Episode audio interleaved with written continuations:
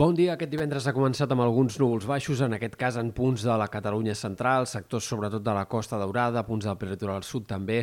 núvols que s'aniran desfent ràpidament amb el pas del matí. Aquest cap de setmana seguirem encallats en aquesta situació d'anticicló i, per tant, el sol seguirà predominant, però als matins, sobretot, poden anar apareixent alguns núvols baixos en aquests sectors d'entre la Catalunya central i punts del litoral. I, de fet, alguns models de previsió apunten fins i tot a la possibilitat que entre dissabte al vespre, diumenge, eh, puguin formar-se núvols baixos més extensos sobre el mar, especialment al litoral nord, en punts de la Costa Brava, que freguin la costa i que mantinguin el cel una mica més tapat en aquests sectors. En general, però, el cap de setmana seguirà el predomini del sol i, de fet, hem d'esperar eh, pocs canvis també durant la setmana vinent. Si comencen a arribar algunes eh, novetats en el temps, algunes possibilitats de pluja, sembla que no serà en tot cas fins al pròxim cap de setmana, el 14 i 15, i de moment encara eh, són senyals de canvis poc clars. Potser sí que en alguns punts del Pirineu Occidental començaran a arribar alguns ruixats, com passarà també a l'oest de la península, però de moment és poc probable un canvi eh, gaire significatiu, com a mínim fins a la segona quinzena del mes d'octubre. I això també es pot aplicar a les temperatures.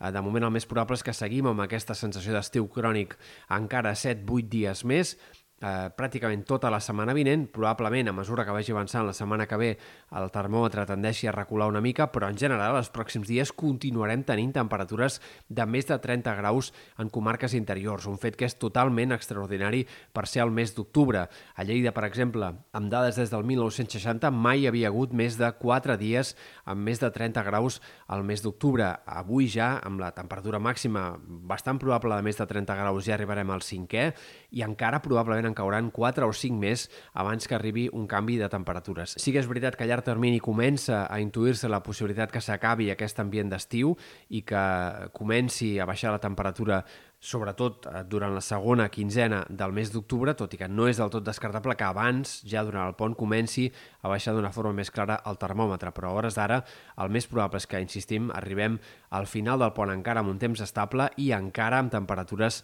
clarament altes per l'època.